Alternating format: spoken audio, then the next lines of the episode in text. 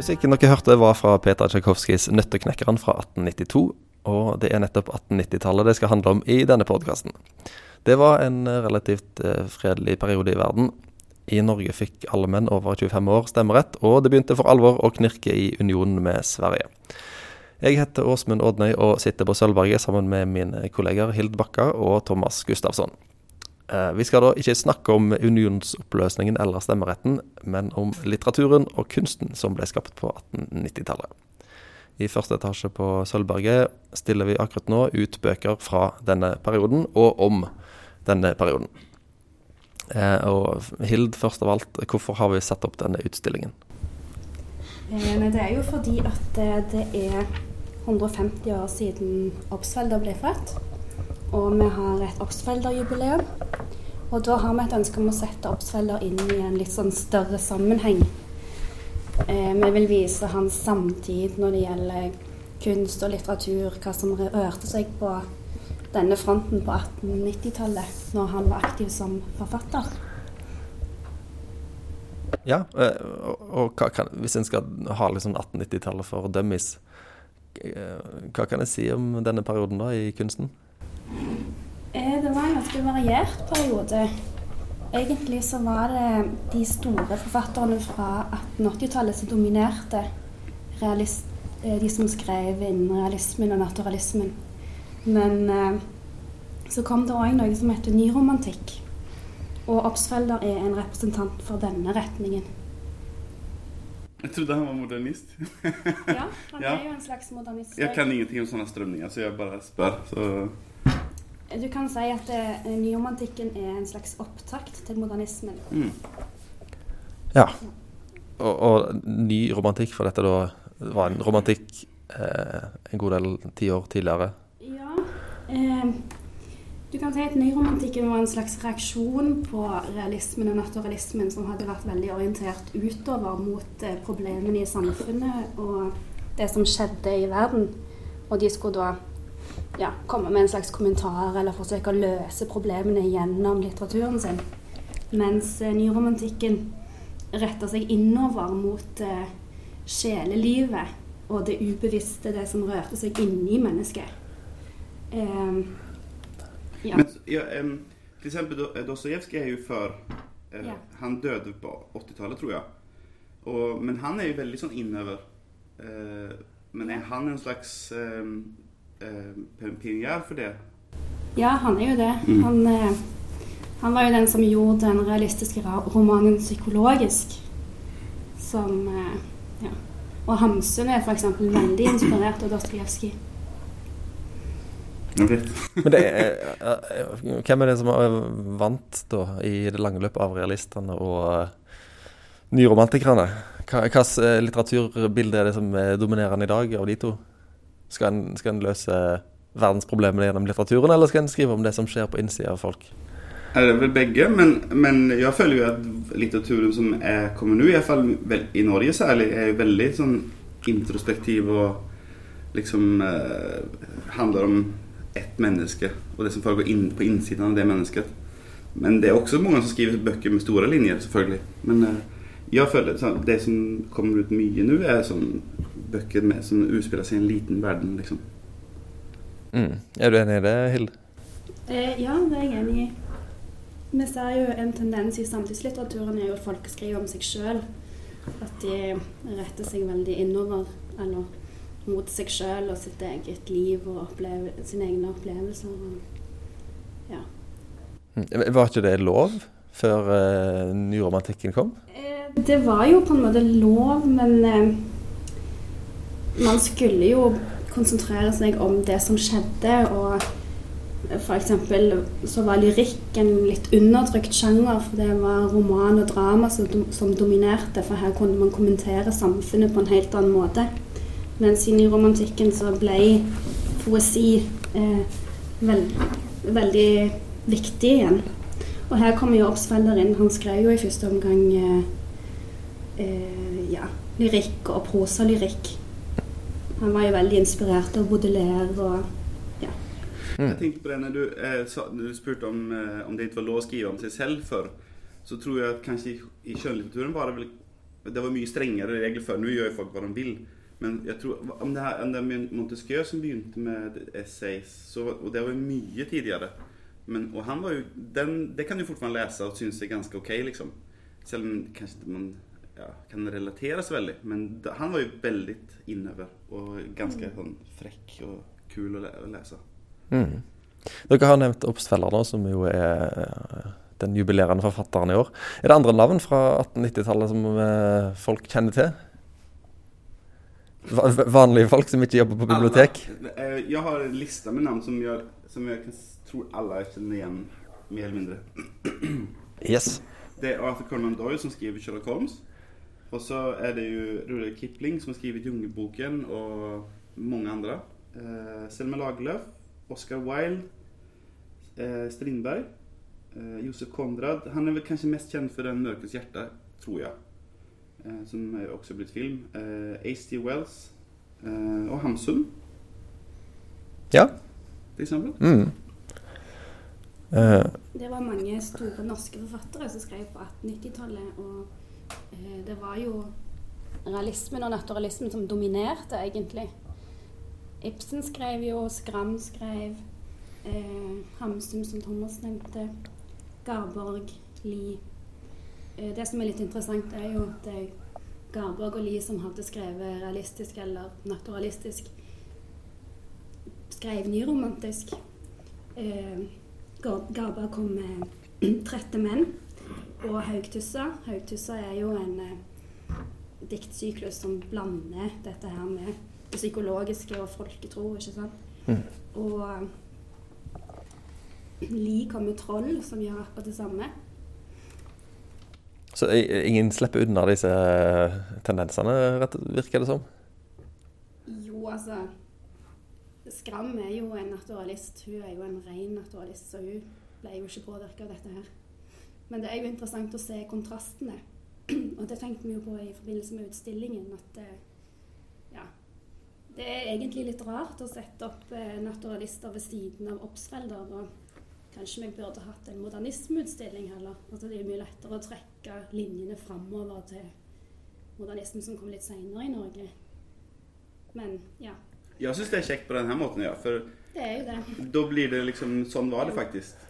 Eh, for folk lever jo ikke i eh, Folk lever jo ikke i en verden utelukkende av anister eller hva det nå er. Men folk lever det i sin tid, og i den tiden kanskje så var det veldig mye som skjedde. Ganske mye kult som skjedde, liksom, både eh, billedkunst og alt annet også.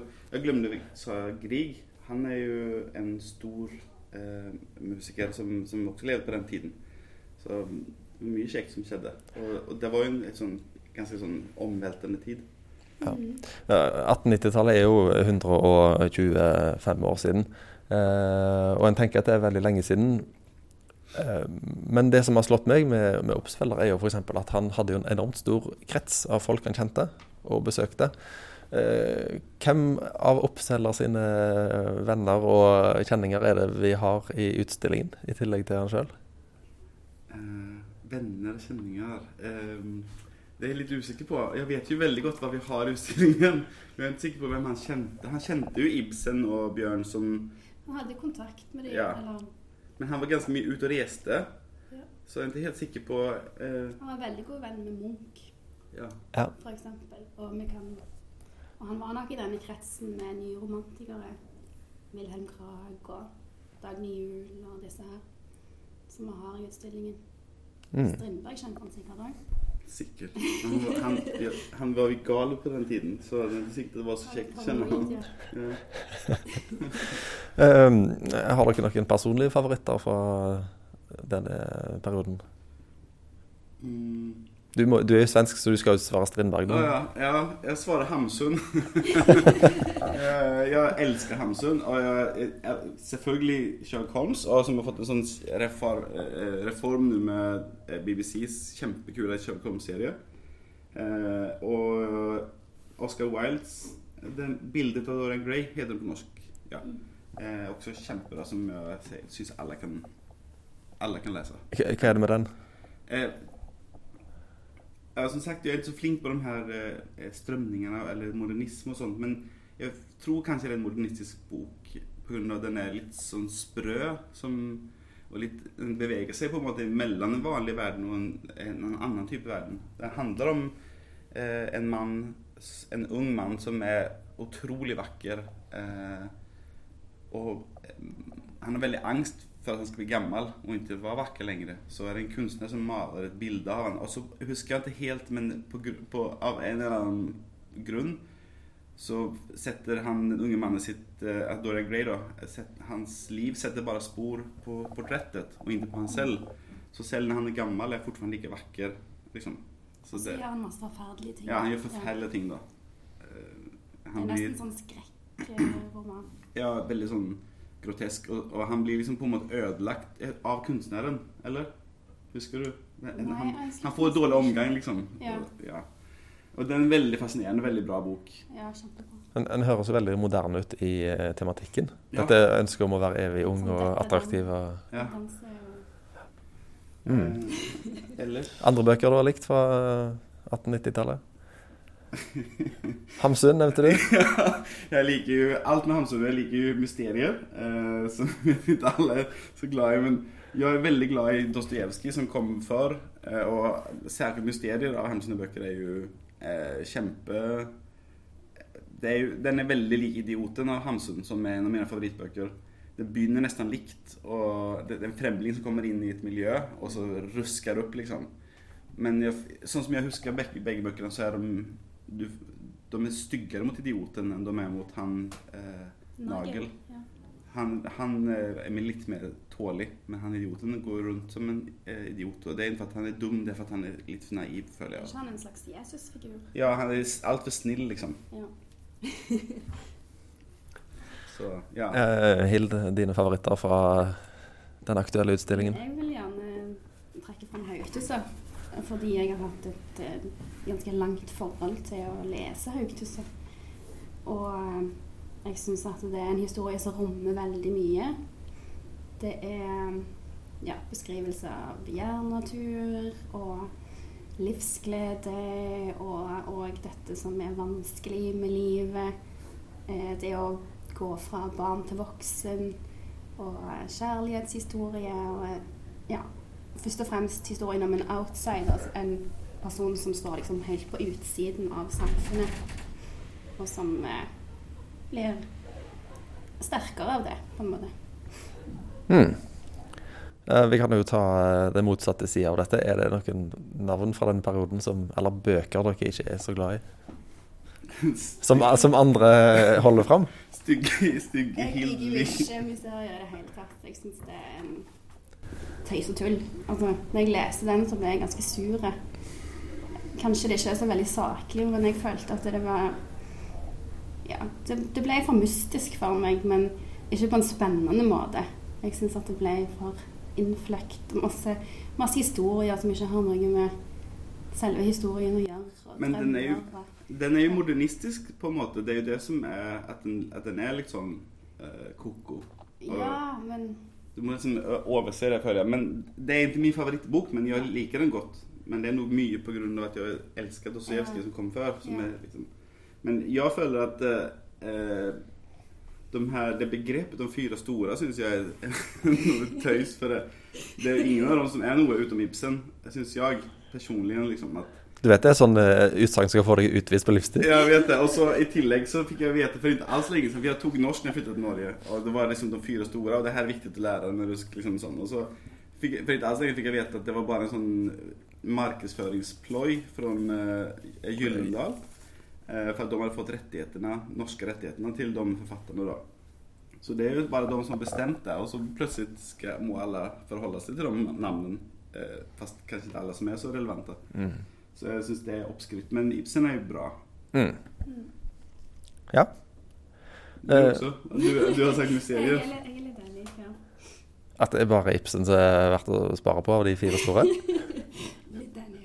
Litt Spennende. Jeg vil i hvert fall revurdere hvem som er de fire store i norsk litteratur. Ja. Okay.